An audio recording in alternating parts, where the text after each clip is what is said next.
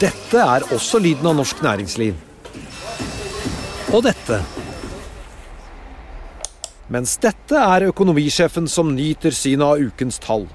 Med økonomisystemet Xledger har du alltid kontroll og oversikt. Gå inn på xledger.no.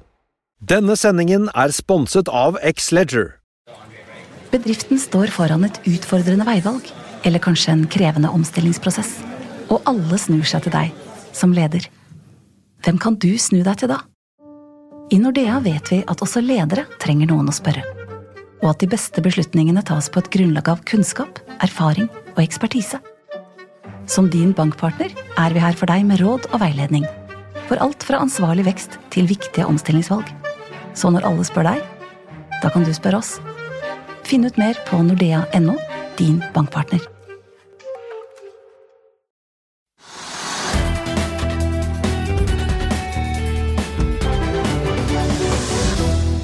Hei og velkommen til Økonominyhetene. Først noen av hovedsakene våre.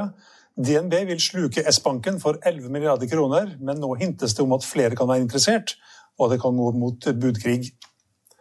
Noteringen av kryptomarkedsplassen Coinbase i New York i går gikk ikke så bra, men bitcoin stiger videre. Boligriksselskapet Prosafe stuper på Oslo Børs etter å ha tapt rettssaken mot Westcon Yards. Og på Oslo Børs, Trygve, så er det Vi har vært i all time high i dag. Ja, men så har det falt litt tilbake. Så jeg tror vi var vel opp nesten 1 da det var all time high, og så har den falt tilbake. Da jeg gikk i studio nå, så var jo indeksen opp 0,6% eller noe sånt nå. All time high er all time high, og det er jo liv i alle aksjemarkedene. Og alle snakker om at det er for dyrt, og multiple er for høy, og preiskjøringen er for høy. Og... Men altså, markedene går. Men så, så, er det litt preget av det at jeg har spesielle hendelser, som du nevnte, sånn S-banken. Altså, Oppkjøp skaper stemning og, og positive ting. og det at DNB plutselig går ut og kjøper en nettbank, altså S-banken, som tidligere heter Skandiabanken. Skandiabanken først. Mm. Og det er ikke noen stor bank heller. Det er bergensnotert. De, men de var den første rene nettbanken. De driver og refinansierer lån for folk som mener at de har for dyre lån, og så tar de også selvfølgelig dyre lån. Og, men alt er helt automatisk. Og så har de kjempefornøyde kunder. Ja, så er det kjempefornøyde kunder. og så er det strømmere på med flere tusen på nett på, i sosiale medier ja. som sier det er katastrofe at de skal si opp kontoen sin i S-banken hvis da DNB overtar, for at DNB er så mye dårligere på kundeservice mm. enn S-banken. Jeg syns det er ganske skrekkelig skrekkelig rykte å ha da, for DNB. Og jeg, jeg er kunde i DNB. Altså ikke privat, men uh, Jo, men vi har jo sett disse kundemålingene. DNB kommer jo aldri noe spesielt godt ut. Det, ja, ja, det er litt rart. Altså, jeg er kunde der, næringslivskunde, og det syns de er flinke og gode. Og, og, og, nå er jeg kanskje ikke den vanskeligste kunden de har. Stor og god kunde med masse penger i banken. men, unnskyld meg, innskudd, ikke lån. Ja, nei, men, men jeg, jeg syns det er ganske snålt, og jeg syns det er ganske Det er ikke katastrofalt, men det er faktisk litt tragisk for DNB at det kommer flere tusen aksjonærer angivelig aksjonærer i S-banken som sier at det, altså hvis DNB overtar, så kutter vi oss, for det gidder vi ikke fordi vi i S-banken er så gode, og DNB er så dårlige. Mm. Ja, ja, eh, S-banken vil jo sannsynligvis kunne fortsette å være like god. Men, men aksjen er jo opp 30 og det er liksom da, da en premium på den kursen som var i går. og Hvis vi går tilbake noen måneder, så er premium 50% så det er liksom da, dette er et veldig godt salgstidspunkt for de som har vært med i S-banken. Åpenbart. Men så, som du sier, det kan tenkes at og de vil selvfølgelig spekulere det og gjerne ha det. Men det kan tenke at andre syns at S-banken er god å kjøpe, og at de har mer å betale enn 11 milliarder kroner. Ja, altså, det, Who knows? Eh, men jeg liker sånne oppkjøp. Ja, for det er liksom noen som har sett at noen er flinke. De er flinkere enn andre, gjør det riktige, tjener penger, får aksjonærer som er så store. Eh, her er et equity-fond osv. som har en så stor post, at de kan styre prosessen litt. Så jeg er for det, og det skaper liv på Oslo Børs, det er bra. Mm. Og Hugo Maurstad, som er i Altor, og de er i 25 ja. de er kjempepositive og sier ja. Ja, og de har liksom vært med å bygge opp og bygge opp, ikke sant? og da da tar de en gevinst, og så selger de ut og gjør en kule, og det, det er bra. Men det, er ikke bra for DNB, det, det må jeg jo si. Det var jo det var, det var, det var som, det litt sånn litt spesielt, men det var jo det var, det var en debatt som jeg var litt borti i Kapital, og så, og så var det da en kommentator i en avis som sa var veldig negativt til det vi hadde skrevet i Kapital. Da. Det var en sånn debatt om kvinner og ikke kvinner og rådgivere og sånn. Og så var det en kritisk kommentar da til Kapital og meg. Og da gikk informasjonsdirektøren ut i DNB han gikk ut med en, med en, sånn melding på sin egen enten var Twitter-konto eller LinkedIn-konto, eller sånn, hvor han skrev at denne personen, altså hvilken, denne personen for president. Da tenkte jeg liksom, er det, er det bankens oppgave å hakke ned på de gode kundene sine? Det, det, gjorde de faktisk. Jeg så forresten i dag òg at et styremedlem i DNB var veldig positiv til til oppkjøpet. Til oppkjøpet, ja. ja. Hva skulle på en måte være en litt sånn uavhengig person, men så er han styremedlem i DNB. Ja. Ja men han skulle da, han, DNB skal jo kjøpe dem, ikke sant? Nettopp. Ja. Men, men, men, men, men styret i S-banken har allerede sagt da, de at de anbefaler jo da at eh, DNB får lov å kjøpe. De Er ofte- de litt tidlig ute? Hva? Er de litt tidlig ute og sier ja takk? Ja, det, det, det, er det syns jeg er litt tidlig ute, faktisk. De burde, de burde ha sagt at eh, på vegne av aksjonærene som helhet vil vi tenke oss om og se på, skal gå, se om det kanskje er noen andre bydere i markedet, Mm. før de umiddelbart sier ja. Det er sannsynligvis da Maurstad og de som har sagt at de som går for dette her, ikke sant? og Mm. da, da får vi det til. Så, ja. Det er, men det er, oppkjøpet er bra, eh, og jeg tror det blir nå. Det er, det er ikke så lett å hoste opp en annen person eller et annet selskap som har da 12, 13 eller 14, 15 milliarder for å betale for den samme banken. Det er, Kan noen sette kjepper i hjulene? Konkurransetilsynet, f.eks.? Det tviler jeg på. Jeg synes, tror S-banken er såpass liten, jeg kan ikke de tallene akkurat i hodet nå. Men jeg tror det er, de er såpass liten at det, det tror jeg ikke. Det er noe som umiddelbart håper på det. Jeg sender ut meldinger at liksom, Konkurransetilsynet må se på det, dette skal vi stoppe. Det er et morsomt oppkjøp, bare for å gjenta meg selv. Men det er jo ikke bra for DNB at flere tusen mennesker går ut og sier at det er så dårlig kundebehandling, eller hva det måtte være. Det, det, det er ikke bra. Men det er morsomt. Men vi har jo, så, så har vi en annen ting i dag som der, der er negativt, men det er jo da Prosafe, som vi har snakket om veldig mange ganger, som er da et, har sånne boligrigger. Altså de borer ikke, de har boliger for de som skal bore.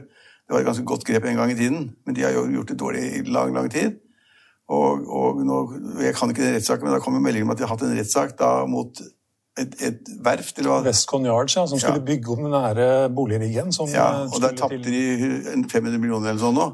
Ja, det var, vel, det var vel snakk om at de skulle bygge den om, og så fikk de noen priser fra Westcon Yards, og så godtok de det, og så plutselig så ble riggen 500 millioner dyrere enn Og det må Prosef betale. Mm. Ja, Da er jo da har ikke de mye penger igjen, i hvert fall. Det er rimelig Aksjen er ned eh, 23% Ja, så de er liksom dagens store taper. S-banken var en store vinner, de var opp 30% ikke sant? Og så, og så, har, vi, og så har vi litt sånn shipping at eh, den, altså den nest beste oppgangen der etter eh, S-bank, det er jo da Flex LNG, som da på en måte har veldig ratoppgang, og Fredriksen er veldig fornøyd og sånn. De har liksom vært opp eh, 10 i dag. Ja, det er opp 10 nå. Ja. Og så har vi da et annet shippingselskap som vi har snakket om nesten hver dag, som har, og en kurs som har gått nesten hver dag. Det er da, eh, containerselskapet MC, MCCC, MP, MPCC, Ja. som da har gått og gått og gått hver eneste dag, og de har gått opp 100% i år. Det var, shipping var jo dårlig, og de var så langt nede og liksom var nesten ferdige. Hvis du går tilbake et år eller annet. Og så er det liksom bare plutselig interessen kommet der, og så har markedene for handel med containere økt og økt og økt. Og så hadde den katastrofen i Suezkanalen. ikke sant? Folk ble oppmerksom på containere, og hva skjedde, og var, hvem var som hadde flere containere å tilby, og hvilke hadde flere containerskip. Så den bare går og går. Og de liksom, 20 000 containerne som var på det skipet, det står vel nede i Suezkanalen ennå? ja, nå sier jo det at det, altså, det eierselskapet, det statlige eierselskapet der nede har tatt beslag i skipet inntil de får penger. Så de har krevd, krevd 900 millioner eller sånn. Og, og, Dollar? I dollar, ja. Jeg ja tror dollar. Jeg tror det var 6-7 milliarder kroner. Ja. Ja, Jeg vet ikke om de nå bare krevde skipet, men, altså, men, men det er jo en katastrofe. For det skipet kommer jo ikke ut uten at det er noen som betaler noe. Det er ingen som vil gå til krig for å få skipet ut. Men samtidig så er interessen da for å følge litt med på containertrafikken og raten og skivene og størrelsen. Og det. de er ganske store. Og det sies jo da, det som sto i Finansavisen i dag, at, eh, at eh, det er nå kontrahert så mange nye containerskip at det tilsvarer om den 30% av dagens flåte. Hvis det er riktig, så er det ganske morsomt. Det er typisk det når det er Det gode gjort, det har vi hørt om før i takmarkedet og andre, andre greier. Så det går jo skitbra, så, finner, så kontrollerer alle sammen, og så går det da halvannet til to år når disse skipene er ferdige, og så er det krise igjen. Så, det, så vi hadde jo to shippingselskaper. Ja, Prosef er jo et shipping eh, ja, noe lignende. Så det skjer ganske mye med. Apropos krise, litt krise i Atlantic Sapphire òg. Det Ja. ulykken for et par dager siden, og så kom det med årsrapporten i går, og den Og alt var negativt, og, og kursen er ned 20 eller sånn Mm. Ja. Det er landbasert virksomhet. Alle sa at de landbaserte virksomhetene var uslåelige. Det tok litt tid. Det tok tid å investere, få det opp, og tok to-tre år før det ble fisk av det. Men nå har det bare vært negative meldinger hele tiden. læringskurven ser ut til å bli litt lengre enn det man først har trodd. Ja, sånn er det alltid, faktisk. Men det var jo ganske masse kjente investorer som også gikk inn i selskapet. Så jeg vet ikke om det er der fortsatt, men det, nå har de fått en liten nedtur. Ja, aksjene er ned 50% fra toppen. Ja. Mhm. Så um, fått seg en liten nedtur der, ja. Ja, Hydro er også en av vinnerne i dag. Opp, 2-3 opp. Det er snart 60 kroner, da. Ja, ja, 56 kroner i dag. Ja, Det er imponerende. Jeg har vært litt skeptisk til at de ville få til, men nå har altså aluminiumsprisene gått veldig. da. Så, og det er det de selger. Så da, når de går veldig, så tjener de mer penger, selvfølgelig. Så de har vært heldige. Bra, det. Så kom DNB med Markets med en ny anbefaling, men kursmålet var ikke mer enn 54, nei 55. Ja, men nå er kursen 60. Det er allerede passert. Det er 59, det er 59-50 eller sånn nå. Ja, 56, ja, 56 kroner. Jo, jo, jo, men altså, den er, da, da, ja, det, er, det er ikke noe å anbefale på 55 kroner hvis den er i 56. Nei. Nei, ellers så eh, Det er vel hovedsakene. Og nå har jo også de amerikanske børsene ser nå på skjermene våre at nå er det nye rekorder i Amerika. Ja. Alt der går opp. Det ser ut som det blir ny all time high. Den ligger på 1073. Ja. Eh, Tidligere all time high tror jeg er eh, 1071 et eller annet. Ja, vi kan bare nevne før vi slutter, før du tar eh, de tekniske tingene og sånn, men det er at Norwegian, eh, flyselskapet, går jo også opp 5-6 Så der er det mange som ikke helt skjønner regnestykkene. Begynner å lure på om noen skjønner det med. Nei, er det, er det vi som ikke skjønner det? Ja, det kan godt tenkes, men da må noen, da må noen forklare det. Nei, jeg tror, jeg tror faktisk at det er slik at ingen har en god idé om hvor mange nye aksjer som kommer i markedet etter alle konverteringene og emisjonene. Så da klarer man ikke å prise da det nye selskapet kontra det gamle selskapet, hvor de gamle aksjonærene er. Eh, og det var en som hadde regnet raskt på som sa det at eh, med den prisingen som nå er, så er det da nye selskapet verdt 20-30 milliarder kroner. Og det er det ikke. Liksom med, med de flyene de har i drift. Jeg vet ikke, Er det seks-syv fly de har i drift? Norwegian? Ja, det er kanskje litt, litt noen, noen flere, tror du? da, Sånn 8-10 eller noe sånt. Ja, men ok, det er veldig få fly er, iallfall. det er i den Ja, men, ja. men altså, altså, ja, så skal de ha 20 milliarder i gjeld, det har de innrømmet. Vi kommer til å bli sittende med 20 milliarder i gjeld etter at vi kvittet oss med 65 milliarder i gjeld, og etter at vi kvittet oss med 85 millioner i, i, i, Milliarder, ja. milliarder i kontrakter, milliarder i flykontrakter, 65 og 85, så skal vi sitte med 20. Og så skal det være verdt 20-30 milliarder etterpå. etterpå. Nei. Vi får se, da. vi får se hvem som får Om vannet renner nedover denne gangen Det er markedet som bestemmer, og markedet sier at den kursen er verdt, av- er verdt 55 kroner per aksje. Og så skal det være masse nye aksjer og masse nye lån og masse rart inn. Og det, oppå den suppa der skal de ha, ha hoste opp én aksje. Og den prisen den, jeg har jo trodd den kursen kanskje ville være 7 kroner. Ja, 699, det var ikke langt unna da. Nei, det var ikke langt unna, faktisk. Nei, men markedet sier noe annet. Ja, Vi får se. Vi får se. Eh, har vi fått noe dato for eh, emisjonen? Jeg har ikke sett Nei, den. det tror jeg ikke. Skal vi snakke litt om bitcoin nå før vi runder av, eller? Noen Ja, Bitcoin-kursen går og går og går. og går. Det er ikke noe 62 eller 63 000 dollar. ja, Vi skal ha et innslag om det etterpå. Noen mener at den skal gå i 100 000 dollar i løpet av fem måneder, nei, fire måneder. Ja, ja, hvorfor sier de ikke 200 000? Ja. Men det vet man jo ikke. Altså, hvis den går rundt, og det er noen som har kjøpt for 60 eller 40 eller 35, fantastisk bra. Men det er ikke, det er ikke sånn som man kan anbefale det, for det vi har jo ikke noe fasit. Og ingen andre har noe fasit. Så det er bare et spørsmål om hvor mange er villige til å Altså, en iver, er det, iver, even, Even bigger fool. even bigger fool som kommer etter meg, som vil betale en høyere pris. Det, så jeg syns det er fantastisk hvis folk tjener penger på bitcoin, men det er ikke noe sikker business. Det er, men det går og går. Så hvor, jeg, da sier jeg bare igjen her, Hvis de da sier at det, den skal gå i 100 000, da kan du godt sagt 125 000. Ja, det, var, en, det var en som vedda noen eh, edle deler en gang på at den skulle gå i 100 000 dollar innen utgangen av forrige år, tror jeg. Under utgangen av fjor, ja. ja. Der var den ikke da. Nei. Så jeg vet ikke hvordan det gikk. Men poenget er jo det at det er, man vet jo ikke, det er ikke noen kontroll. Og jeg, det jeg tror, Nå skal jeg ikke ta en lang debatt om bitcoin igjen, men den største faren ligger i sånne regulatoriske ting, at myndighetene ikke aksepterer det. De vil ikke ha noe som ikke vet hva er. Og så, og så er det da noen mennesker som kommer til å tape masse penger på et, et eller annet tidspunkt, hvor de da har fått oppgjør i bitcoin for et eller annet, bilen sin eller huset sitt eller hytta si eller noe annet. Og så når de da skal gå og gjøre om pengene, cashe opp på en eller annen måte, så får de halvparten. Må veksle med en gang, vet du. ja, du må veksle lynraskt. Ja, ja, ja. Men hvis du da ikke gjør det og blir sittende på for du tror at dette er en sånn varig verdi som like, det er liksom gull eller sølv, altså bitcoin, eller andre kryptovalutaer, og så skal du da både en dag trenger du pengene, og så får du halvparten, og så skjønner du ingenting. Eller det dobbelte. Eller det dobbelte. Eller det dobbelte. Helt enig, men du, da skjønner du ingenting. For man kan ikke ha, man vet ikke noe om prisingen. Nei, det er eh, Vi skal få litt mer om det. Coinbase-noteringen forresten i går den gikk ikke så veldig bra.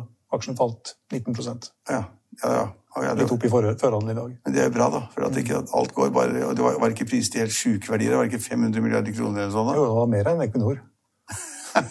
mer vært enn Equinor. ja. markedsplass for kryptovaluta. Ja, ja. Nei, men det, det stemmer jo heller ikke. Sånn er det. Ja, det var vel um, hovedsaken. Vi kan runde av den delen der. Ja, det har åpna opp i New York. Det Dow Jones opp 0,7% nå, til 33 956.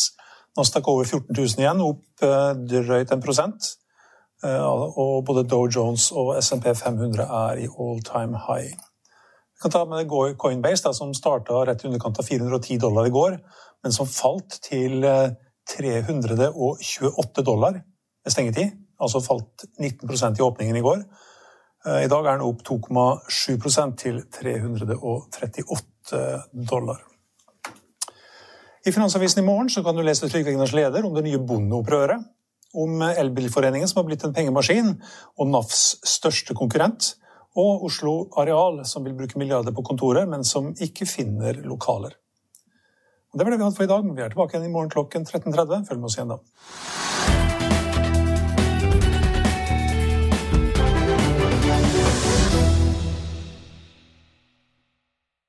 Denne sendingen er sponset av X-Leger. ACAST powers the world's best podcasts. Here's a show that we recommend.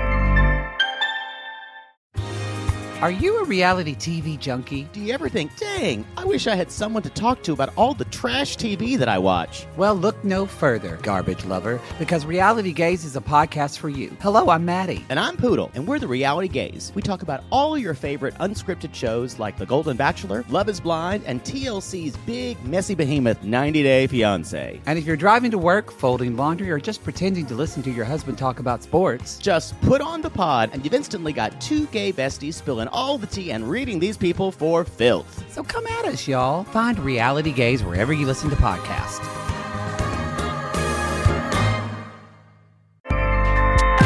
ACAST helps creators launch, grow, and monetize their podcasts everywhere. ACAST.com. Økonominyhetene er en podkast fra Finansavisen. Programledere er Marius Lorentzen, Stein Ove Haugen og Benedikte Storm Bamvik. Produsenter er Lars Brenden Skram og Bashar Johar. Og ansvarlig redaktør er Trygve Hegnar.